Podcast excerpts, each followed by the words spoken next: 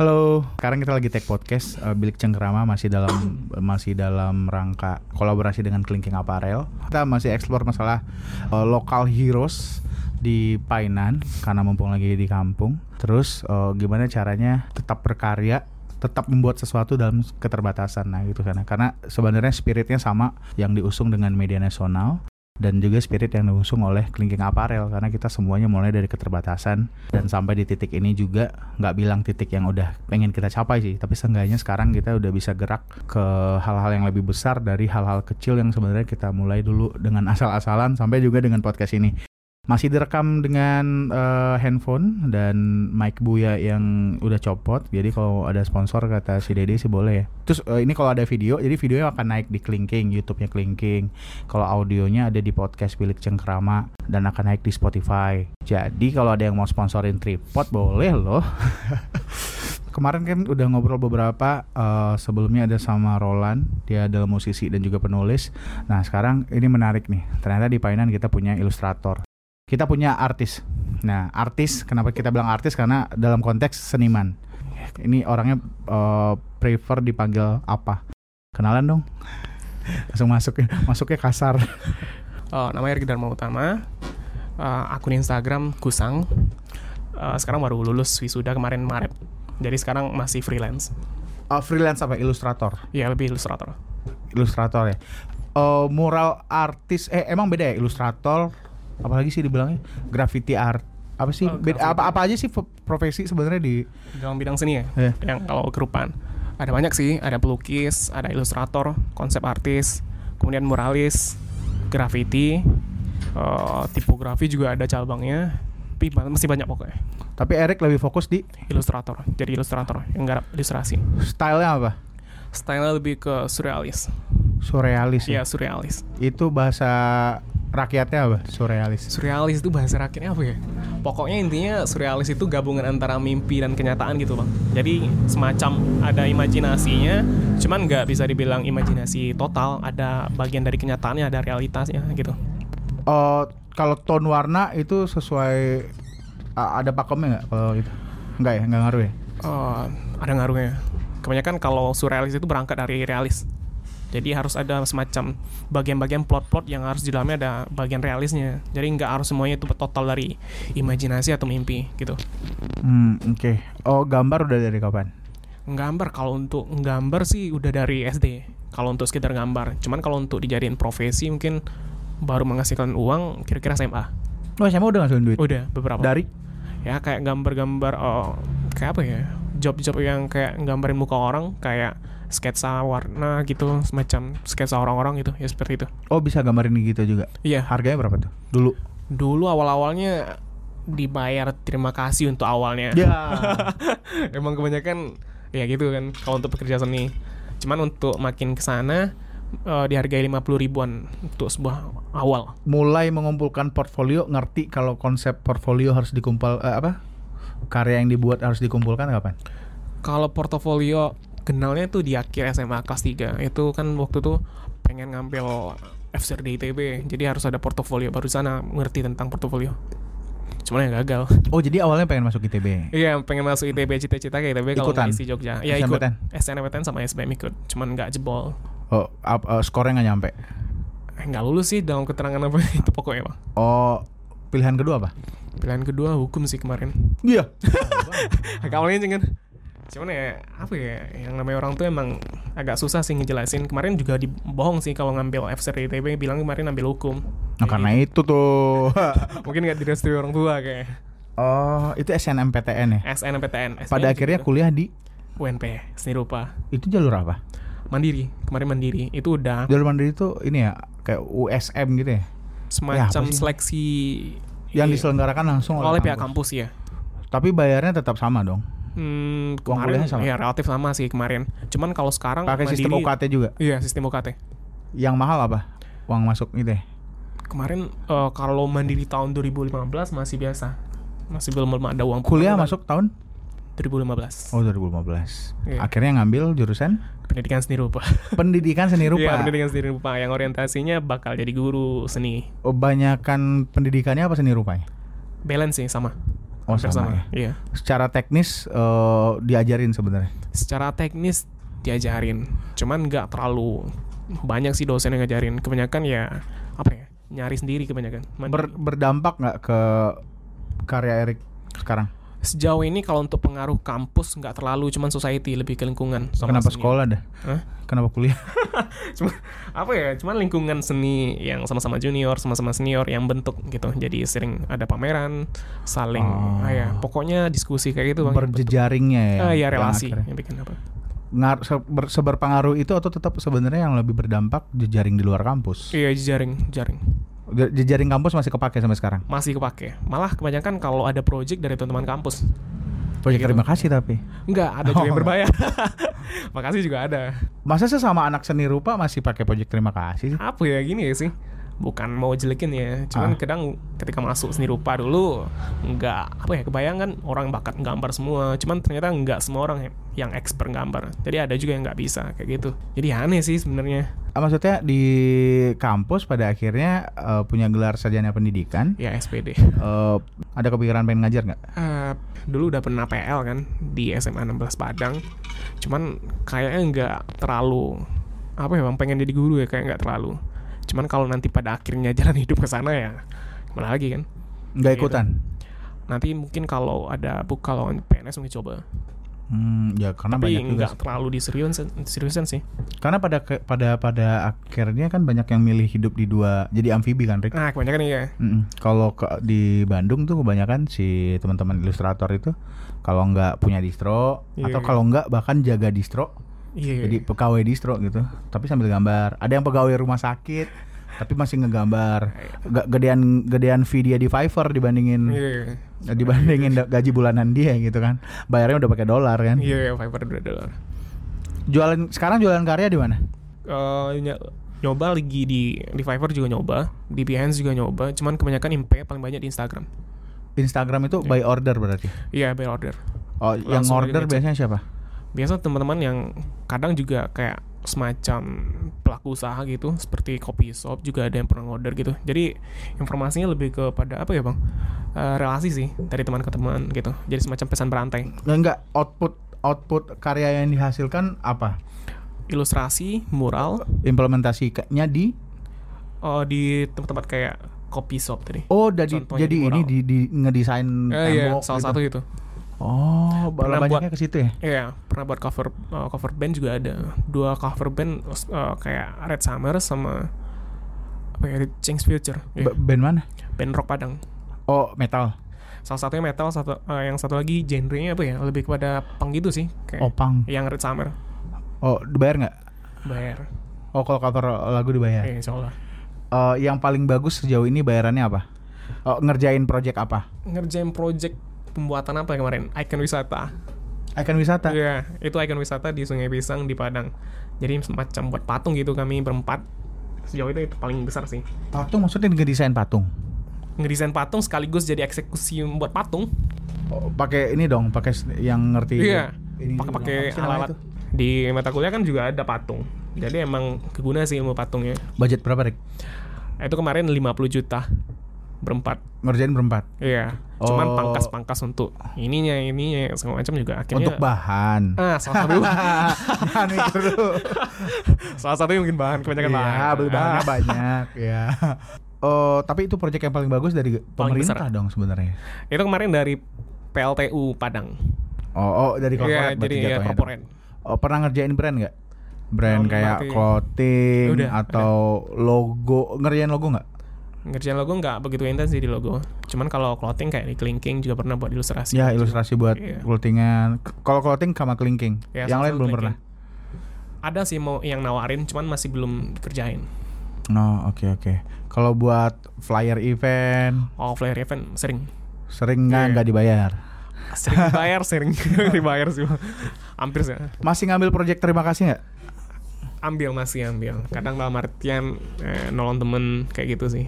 Oh, gimana cara mengkurasi, memilah-milih mana mau oh, proyek terima kasih yang mau dikerjakan, mana yang enggak? Eh, salah satu exposure sih kayak seandainya ini bagus nggak kalau untuk ke depannya bisa dijadiin CV nggak buat untuk portofolio gitu kalau andai kata ada benefitnya gitu kalau yang nggak ada ya bisa tolong juga sih kadang-kadang cuman kalau teman deket ya mungkin bantu Tapi eh, kalau ada deadline project biasanya tetap duluin project dong. iya biasanya itu Oh, malah kalau dari Fiverr masih dikit ya. Hmm, belum begitu Apa aja sih yang jual banyak kan platform. Iya. Patreon juga bisa kan? Patreon juga di- Selain buat bokep katanya Patreon juga bisa buat jualin kayak seribu karya. lancer juga pengen mau buat. Seribu Lancer bener anak-anak Jogja kan? Kebanyakan- bukan ya? seribu lancer kan ada dua tuh Hah? salah satunya seribu yang kemudian seribu lancernya kalau emang pengen yang lebih profesional kayak di seribu jadi pengen kemarin Oh. di, di- nyoba seribu sih Cobain karya Karsa deh. Karya Karsa juga lumayan. Karsa. Karyakarsa.com. hmm. Terus ada juga Mungkin si. Traktir, traktir.id atau traktir.com. ya. Banyak kok sekarang platform yang bantuin. Ini kayak gini audio juga dibeli kok. oh gitu Jadi misalnya butuh butuh portfolio audio, bukan ini ya. Hmm. Kan kalau bayar apa sih namanya profesinya kalau buat audio? Orang yang buat ini. Daber. oh iya daber daber Daber kan biasanya yang pro-pro mahal. Hmm. Kalau dia pengen cari suara enak buat apa? Nah, itu gitu. kayak gini nih bisa ditaruh porto sebenarnya. oh ini juga tahu saya juga naruh di ini di beberapa platform ini. Jadi kalau Hmm. mereka bu- butuh daber atau butuh suara cowok gitu ya. Jadi dia, dia, dia bisa propose kita atau bahkan mungkin perlu konten di mana brand dia. Dia nggak mau hire pegawai kan. oh Dia mau kita yang mikirin. Nah, itu bisa. hmm. Tapi belum ada yang deal gitu. nanti karena karena nanti itu lagi kan ya, eh, ini nggak ngerasa punya tantangan nggak dalam eh, ngecharge harga yang tepat untuk sebuah project? ah banyak tantangannya sih Gimana sih Jok? Boleh ceritain nggak? Maksudnya apa ya Projectnya udah kan briefnya kan suka Iya, aja. iya, Ini suka. gambarnya karena dadakan kan Wah, birunya kurang biru deh. gitu. Kan suka Iya, ada iya, nggak biru iya. kurang biru maksudnya Iya, biru, iya. biru apa? banyak sih kebanyakan apa ya aneh-aneh Ah, kayak contohnya ya harga teman kan kadang kayak kayak harga teman itu juga sering paling paling sering kayak padahal yang nawar kan orang-orang yang berduit cuman ya paling susah kalau membuat harga kalau di Padang Padang painan itu susah sulit sih kebanyakan orang juga nggak ngerti sih apa yang kita buat oh, masih keterima statement ini nggak? Ah, gambar gitu doang masa harganya segitu? kemarin ada sih yang kayak gitu Kenal nggak pas orangnya? ya, kenal pasti Berantem tuh ribut. Udah. kenal cuman nggak Oh, temen nggak dekat. Oh iya, harusnya ribut. ya. iya Harusnya kan teman duluan yang hargain karya udah gila orang-orang. Terus kita sekolah nggak pakai duit tuh. Tapi eh, paling murah ngasih harga berapa? Selain gratis ya, di atas gratis. Eh, kalau untuk harga karya seni kan nggak konvensional kan bang, nggak ada standarnya. Jadi kebanyakan lihat pasar dulu gitu. Lihat lihat siapa yang order. Iya, salah satu itu. Ka- Karena kan nggak mungkin kan kita ngasih harga untuk corporate sama yang pelaku usaha kecil nggak mungkin kayak gitu sih. Pelaku usaha kecil boleh di share nggak? Paling murah Erik bisa ngasih harga berapa? Misal- Jangan dijadi patokan ya. Ini kan Ah, ter- iya. tergantung Iya, brief iya. ya. Bisa tergantung ada 100 ribu dimulai dimulai dari 100 ribuan. Iya, seratus ribu dapat sketsa doang. Paling susah Gak sih. diwarnain ya. Seru banget kerjain orang-orang kan gitu. awalnya style biasa, habis revisi segala macam, akhirnya dibuat total bayaran tetap kecil itu Seratus ribu eh, berapa kali revisi? Hmm, sekarang suka-suka sih, tergantung. Oh nggak matokin Rick? Nggak matok. Wah ilustrator yang sangat baik. Kebanyakan apa ya? Emang masih belum berani terlalu matokin gue bang. Ya karena saya sebenarnya kan Hmm. sering jadi klien ilustrator kan. Oh, iya. Belajar banyak sebenarnya dari ilustrator. Pada akhirnya dari sisi klien tuh belajar ngasih brief yang bagus. Hmm, iya. Biar ilustrator nggak bingung. Salah satu yang brief paling sulit itu ya itu. Karena kan aneh-aneh kan. Kadang brief juga suka suka berubah kayak gitu. Saya sampai kalau mau biru sampai kan bisa dicek di Google kan. Iya. Birunya yang mana. Jadi bisa di kan bisa dicek apa Iya, sih itu? palet warnanya. Palet warnanya Iya. biru yang ini gitu. Jadi dia nggak Enggak terlalu Jadi pusing. misalnya ada logo nih, logo kelingking kan putih kuning hitam. Hmm. Putihnya putihnya segimana paletnya? Ya, iya iya. Kan itu beda kan? Bisa putih eh, kuning juga kan mau kuning apa? Kuning gading, kuning lemon. Nah, Itu Iya. kan susah kan patokannya Iya, iya, iya. lemon lemon mana? lemon yang mana dulu? Lemonnya udah banyak jenis Iya, lemon. iya. Makanya palet warna itu penting. Iya, iya. Yang memudahkan Erik dalam mengeksekusi apa? Biar dia kalau ada klien yang denger biar mereka paham. Yang paling mudah semakin mudah dan cepat. kalau ketika klien bilangnya terserah lu aja gitu. Yang penting ba- gambarnya bagus. Itu paling Oh. mudah, brief yang paling mudah kayak gitu. Cuman kalau yang brief yang paling aneh-aneh kan kadang udah mau deadline nih, tapi briefnya tiba-tiba ganti. Eh bang, ganti warnanya di dong. Enggak, jadi warna kemarin. Bang bisa tambahin yang ini dong. Ah, kan di luar brief yang aslinya kebanyakan kayak gitu kan. Ngasih filenya apa biasanya? Semua ya? Sampai Hmm, mentah-mentahnya? Kebanyakan mintanya kebanyakan GP, JPEG, PNG, Ngasih signature nggak di karya? hmm, masih. ngasih tanda tangan maksudnya ngasih biasanya Kebanyakan- ada watermark kan Eh, biasanya ada diselipin kan biasanya ilustratornya doang yang tahu watermark. Iya biasanya juga ada, cuman nggak nggak sebanyak Nggak selalu. gitu, nggak selalu. orderan dari Painan sering nggak dapat Orderan finance kebanyakan orderan temen. oh Project terima kasih kebanyakan kali finance. Iya I love Painan tuh harusnya bisa dibenerin kali Harusnya bisa sih, cuman Jelek pas pulang ya. finance kemarin ya tiba-tiba udah ada aja kan. Ya pakai letter art yang bagus kayak kampring semua ntar diedit si iya banyak kan sebenarnya yang bisa dioptimas Bisa. optimasi dari sisi visual kan di, di Bisa Painan. bisa. Ya termasuk kebanyakan- eh, si poster-poster itu kan apa? Iya banyak banget kan poster-poster pariwisata kita Ya, yang iya, gedean kebanyakan- muka orangnya daripada gambar Kebanyakan digital printing kan desain gratis cetak bayar kan gitu. desainnya gratis. Tapi ngerjain digital kolase ya apa sih bilangnya? Kalau nggak nggak digambar, yang digital kolase. Oh digital kolase. Nggak ngerjain? nggak, nggak ngerjain kalau kolase. Cuman buat flyer Kayak kayak ya gitu sih Flyer ngerjain flyer event eh, paling cepat bisa berapa hari? hmm, Apa tergantung antrian project juga? Kadang ada Apa ya? Kadang ada namanya jurus kepepet gitu. Jadi kadang Dihajar aja. Dihajar aja bang. Jadi semalam siap. Jadi kalau emang Waktu itu ada ide ya Selesainya cepet gitu. Kalau stuck ya nggak nggak nggak, nggak kerjain ya Hmm. Kepikiran buat ini nggak, Rik? Kepikiran buat dapetin job corporate, eh, mas- masuk corporate sebagai desainer nggak? In-house designer nggak? Hmm, Atau sih. biasanya yang butuh agensi yang pengen. butuh desainer juga biasanya agensi atau. IO.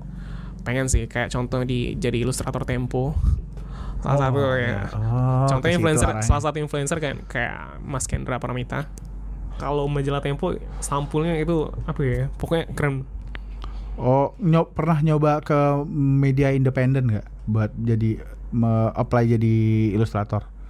media independen hmm, masih belum sih bang kayak Pernah bikin ini nggak? Misal ada suatu berita, Erik bi- eh, nge-translate secara visual oh buat isu pernah buat isu. Itu isu ya namanya. Iya isu gambar-gambar yang kayak isu contohnya kemarin buat pas KPK yang udah mau ditelan DPR kayak gitu terus masalah eh, buat work from home kemarin juga pernah buat ilustrasinya berapa juga pernah yang kemarin juga pernah buat yang isu tentang pemilu yang orang meninggal lebih 500 orang itu juga pernah Oh, dinaikinnya di mana? di Instagram sih Masih ada. Cuman inisiatif masih ada Oh, kalau ada orang nyomot karya tapi nggak naro kredit, sering terjadi nggak?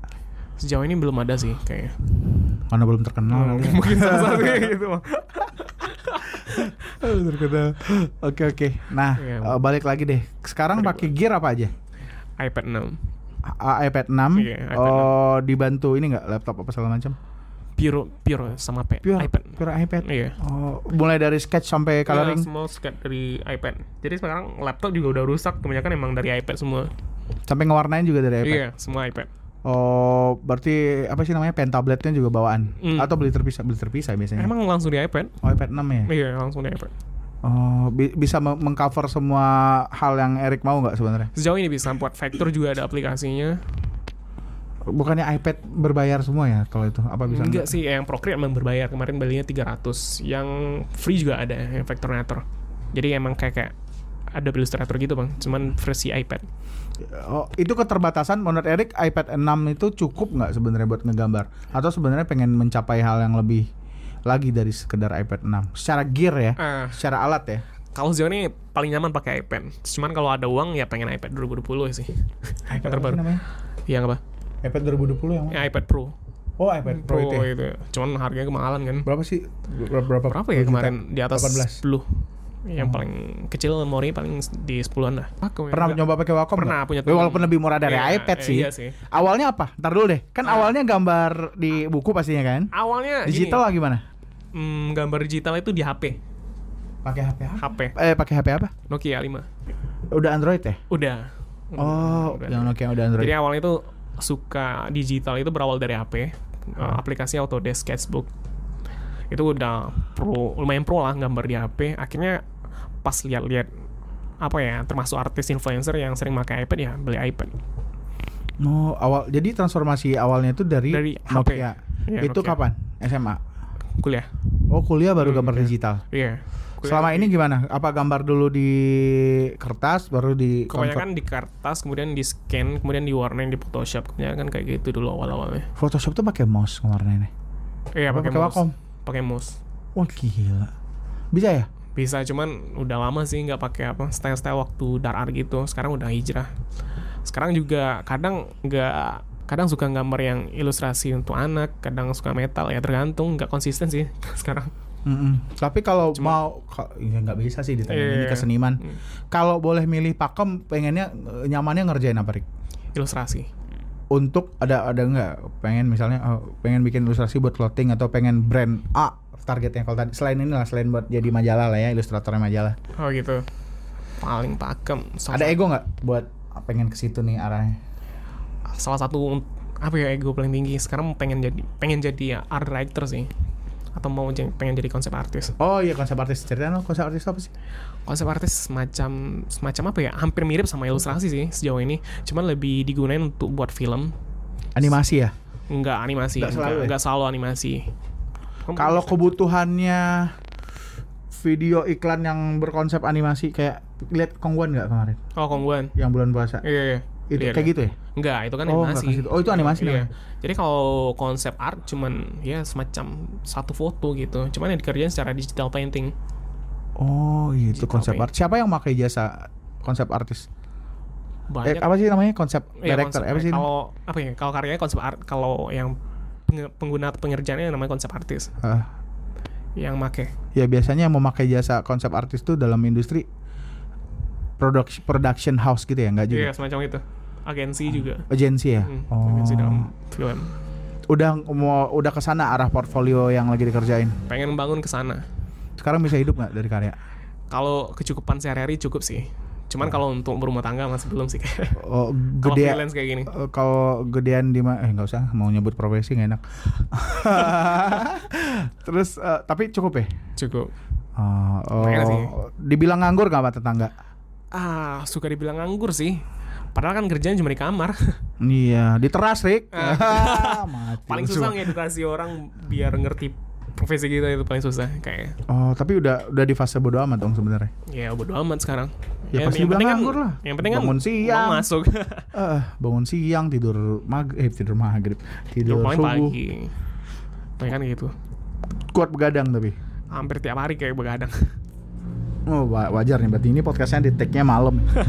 ya kalau pagi belum bangun sih bang sekarang pede tapi sepercaya diri akan selalu percaya diri nggak eh, ngelihat dari sekarang nih apa? Eh, hidup hanya dari karya tanpa in house di kantor. Kantor atau tadi kepikiran ngajar? Corporate ya. Eh, mungkin resolusinya ada sih. Pengen hijrah nanti coba apa yang ngelamar di agensi ataupun in house nanti pengen ada.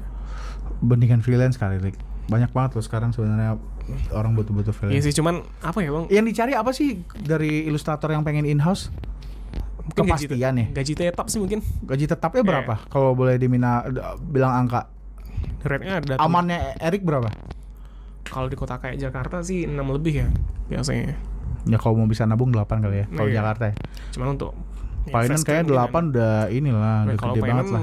8 udah sultan juga sih bang Heeh. Nongkrong di kopi batigo langsung gue bayarin. Tapi kan nggak harus pindah ke Jakarta ya. Maksudnya kan sekarang banyak banget remote worker. Apalagi sekarang gara-gara covid Indonesia Iya, salah satu Indonesia gitu. jadi paham kalau ketemuan tuh nggak penting. banyak buang waktunya. Iya gitu full remote juga banyak cuman apa ya ada satu hal yang nggak bisa didapetin secara online gitu Mm-mm. mungkin emang harus upgrade skill yang di Padang emang nggak mungkin harus di Padang emang harus tingkatan di atas kota Padang gitu Eh, Job dari luar banyak nggak sekarang? Luar Sumatera Barat. Luar Sumatera Barat ada sih dari teman-teman kadang di Jogja Oke, oke. Kayaknya Erik emang harus punya exposure corporate sih, Erik. iya kebanyakan mungkin gitu Iya berkomunitas sama yang luar kayaknya penting. Banyak kali kayak katanya grup-grup di Facebook juga banyak ilustrator-ilustratoran pada berjejaring. Ikutan nggak? Hmm, kalau Facebook udah jarang sih bang bukan Satu lagi biasanya yang banyak pakai jasa ilustrator itu tukang sablon. iya salah satu itu Heeh. buat baju Iya tukang sablon kan biasanya kan dapat orderan kan Hmm. konveksian dari mana-mana aja kan. iya dari baju Oh, belum melakukan itu. Oh rencana kemarin pengen buat baju juga sih sama teman sistemnya PO cuman masih belum jadi-jadi masih wacana kayak Oh, Oke oke oke oke. Bagus ya. Jadi si Klingking mau bikin produk big size. oh gitu Heeh. Eh, Bisa tuh kita kalau- lihat lah. Tuh, lucu nih kayaknya nih dianeh-anehin. Pain painan itu yang baju pink tuh yang kemarin dipakai. Yang pakai tuh warna pink. Bodoh amat dia mau beli enggak. Oke oke. Eh, apalagi ya seru banget sama Erik. Terus berarti dalam waktu dekat apa Rik yang ingin dikerjakan satu dan kalau itu nggak tercapai Hmm. apa langkah preventifnya? Sekarang lagi ngebangun portofolio sih sekarang lagi fokus buat portofolio yang benar-benar portofolio. Kadang suka insecure kalau lihat portofolionya anak-anak luar nih. Kalau pengennya nanti di tahun 2021 sih pengen hijrah ke Jakarta kalau nggak Bandung atau Jogja juga. Salah satu eh, mungkin ke agensi kalau bisa. Mungkin itu. Kalau saya emang nggak jebol ataupun nggak jelas ya mungkin salah satu pengen juga daftar PNS nanti pengen mengabdi sebagai guru. Masih masih kepikiran ya? Sekarang apa ya? Belum bisa dibuang ya? belum artinya nggak terlalu, terlalu berharap sih cuman kadang melihat orang jadi PNS itu kan zona nyaman ya kayaknya Waktu cuman luangnya, pengen waktu iya. luangnya kali maksudnya. salah satu gitu bang waktu luang tuh maksudnya bukan PNS nggak kerja ya.